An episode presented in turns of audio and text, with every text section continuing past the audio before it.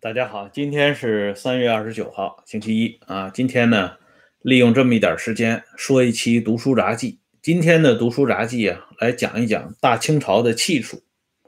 咱们通过这么两位历史人物的预判和总结，对这个大清朝的气数啊，做一个简单的了解。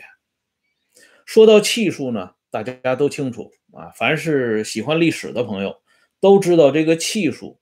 这个概念是什么意思？虽然表面上看起来呢，有那么点封建迷信，有那么点虚无缥缈，但因为已知世界永远啊小于未知世界，所以这里边的一些弯弯绕，我们目前还没有办法用科学来进行最直观的解剖啊。况且呢，历史上一些光怪陆离的现象，也时不时的渗透着这个气数的气息。啊，我举一个最简单的例子：明朝末年，这个福王朱常洵在洛阳被李自成给活捉了，然后给杀掉了。消息传到北京城，这皇帝呢，自然表示沉痛的哀悼。那身边的这些太监呢，也知道这情况了。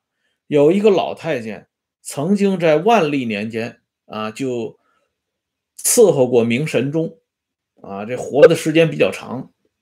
他自己呢，独自跟他的徒弟啊留下了一番话。他说：“自打我进宫，这大明朝呢，风风雨雨，见的事儿多了，但是啊，都能挺过去。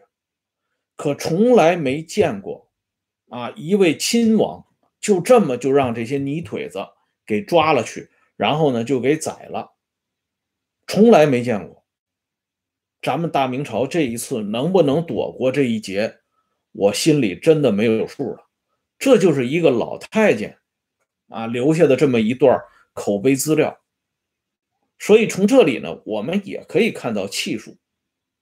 那至于大清朝呢，从一些啊表面现象上呢，也可以看到这个气数。比如说，我们都知道这清朝是以弓马取天下啊。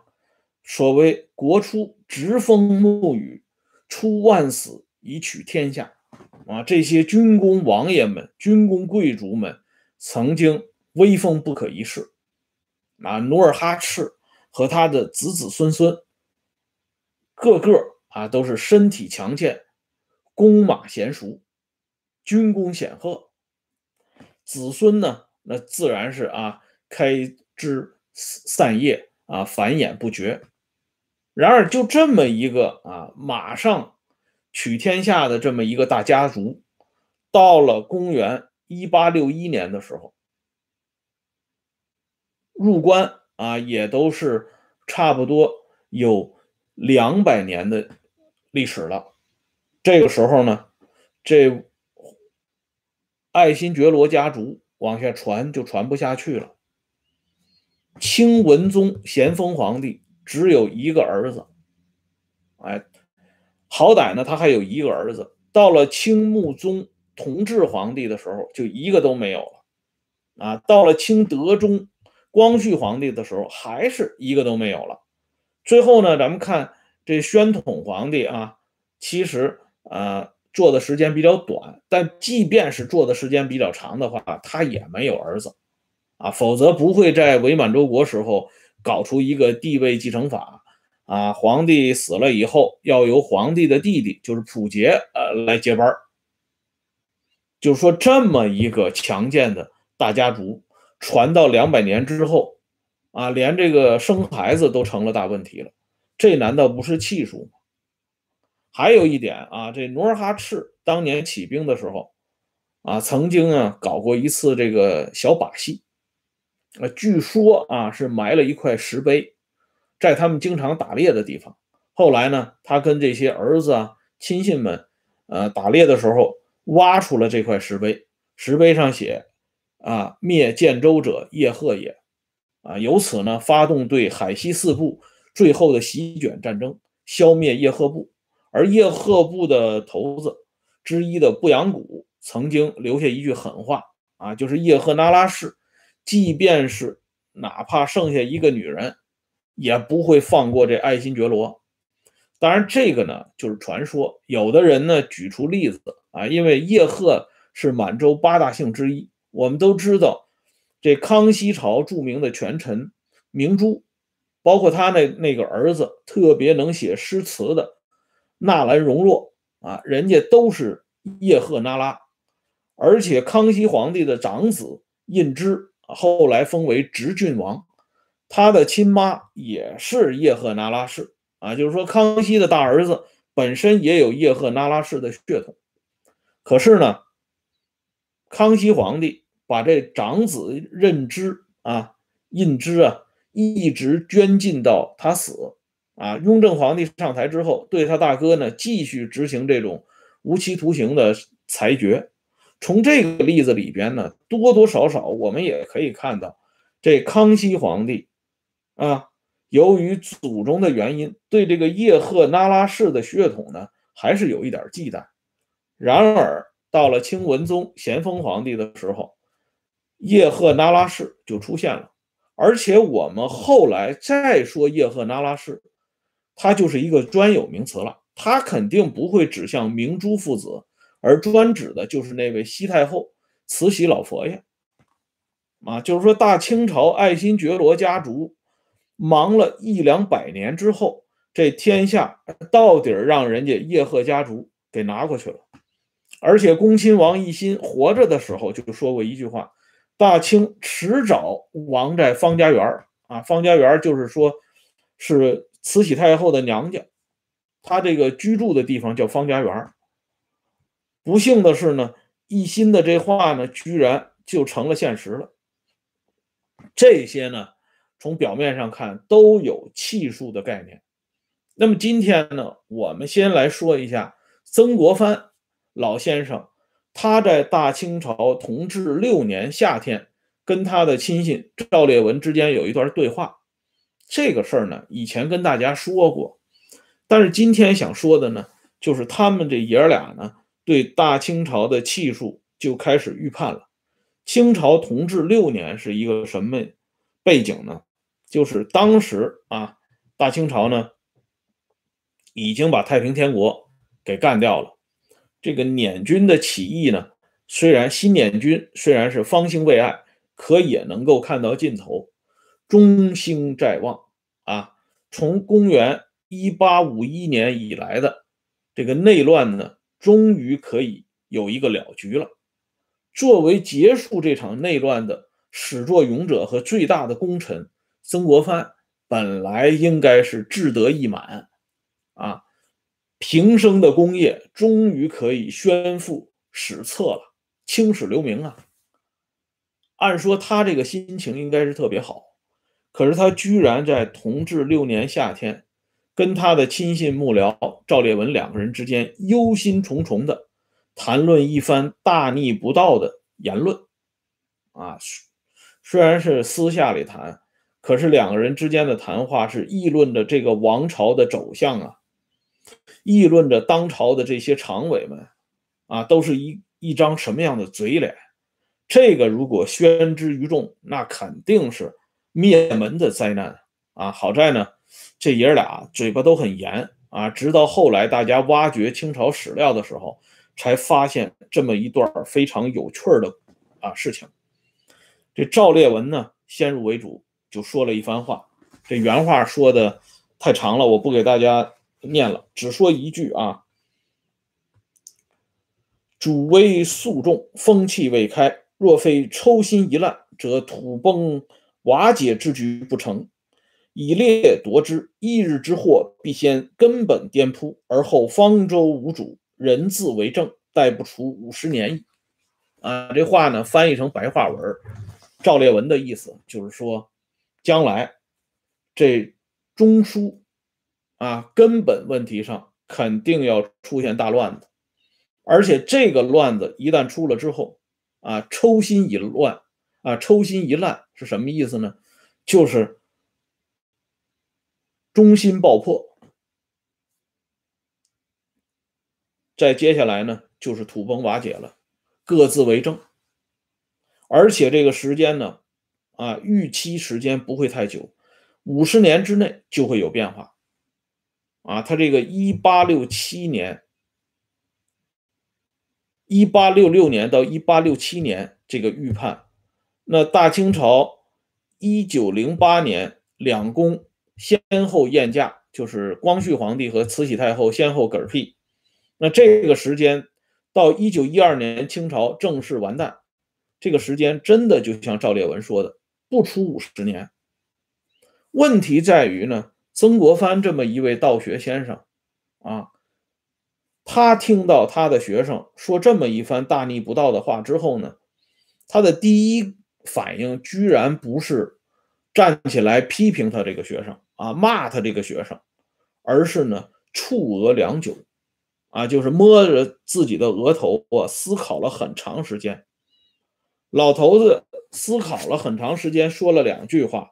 第一呢，就是说。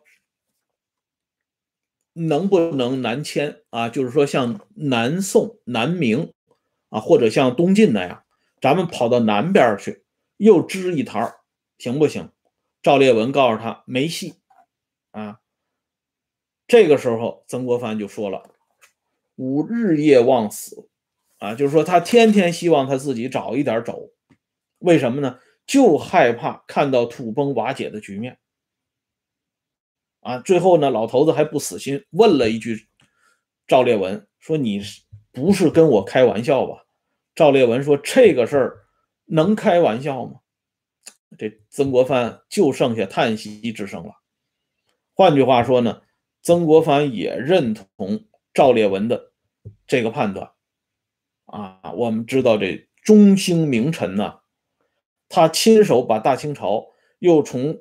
覆灭的边缘给拉了回来，就这么一个人物，他在听到他学生对大清朝的呃死期判决的结论的时候，他居然是这么一个表现形式，可想而知，在曾国藩的内心深处，早就已经看出大清朝气数将尽了。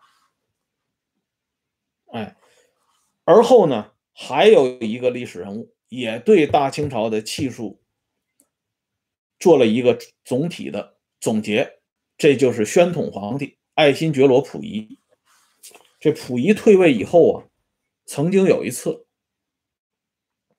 跟他身边的这些啊亲信和这个家族里边的这些孩子们说过一句话，他说：“咱们大清啊，完蛋就完蛋在两王三贝勒，就是亡在两个王爷和三个贝勒手里。”这大伙就问哪两个王爷，哪三个贝勒呢？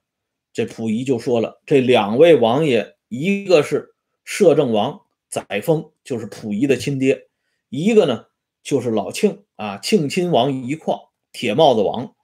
这三个贝勒呢，一个是他的六叔载涛啊，溥仪的六叔呃六叔载涛啊，叔叔啊载涛，一个是他。最小的叔叔载洵，再一个就是定亲王这一支的贝勒玉朗。这定亲王是乾隆皇帝的长子永璜啊，他的这支传到溥仪这个时候，是一个叫玉朗的人。这个人在清朝末年担任过军机大臣和军资大臣啊，军资大臣就相当于总参谋长，也是清朝王室里边的重臣。所以溥仪总结，咱们大清朝就坏在这五个常委手里，没有这五个常委，咱们大清朝不至于这么早的就提前结束了。啊，这溥仪呢是作为过来人，他对大清朝最后的完蛋有这么一个总结。通过对曾国藩、赵烈文对大清朝气数的预判，以及溥仪。啊，宣统皇帝的总结，我们就可以看到一个有意思的现象，就是百分之五的这个概念。什么叫百分之五的概念呢？就是这一个社会啊，不管它是民主的社会也好，它是专制的社会也罢，它都存在一个百分之五的啊定律，就是这个社会呢，大概有百分之五左右的精英力量。这股精英力量是决定这个社会走向的主导力量。那，如果这股子精英力量它是往正路上走，那这个社会呢，还就是有希望的。如果这股子精英力量它往邪路上走，那这个社会必然就要走向没落。我们用大清朝来看，当年曾国藩、李鸿章啊、左宗棠这些人活蹦乱跳的时候，包括张之洞啊、荣禄这五个人活蹦乱跳的时候，这大清朝呢，虽然是晃晃悠悠的。可还能够维持，可是这些人后来呢都没了，连慈禧太后也没了，天下呢就落到这百分之五这两王三贝勒手中，啊，这哥五个就把大清朝给送终了，就应了当年曾国藩和赵烈文之间的预判了，哎。从这个百分之五这个概念当中呢，我们就可以看到另外一个重点，就是中枢啊，也就是我们俗称的中央，这个力量是最重要的啊，它可以说是主心骨。哎，这中央啊，强干弱枝嘛，啊，就像大树一样，就像树的主干一样，中央要是有人，那这个政府呢运转起来。还都是可以的。如果中央乏人，就是没有人才，那这个政府呢，就是越转越完蛋。这个在大清朝表现的是最为明显，在清末呢也是最为突出。否则，溥仪在总结大清朝灭亡的时候，他不会说这么一番话啊，因为这五个人跟他，其中有三个人都是至亲骨肉啊，他能把他们。呃这么评价也就可想而知了。那么这种情况是不是仅限于大清朝呢？我相信应该不是。啊，至于呢，他的外啊外延或者是引申，大家智者见智，仁者见仁。好了，今天的话题呢就先说到这里，一会儿呢咱们再讲一期党史杂谈，欢迎大家继续关注，同时也请大家关注温相说时政。会员频道每天都有更新，再见。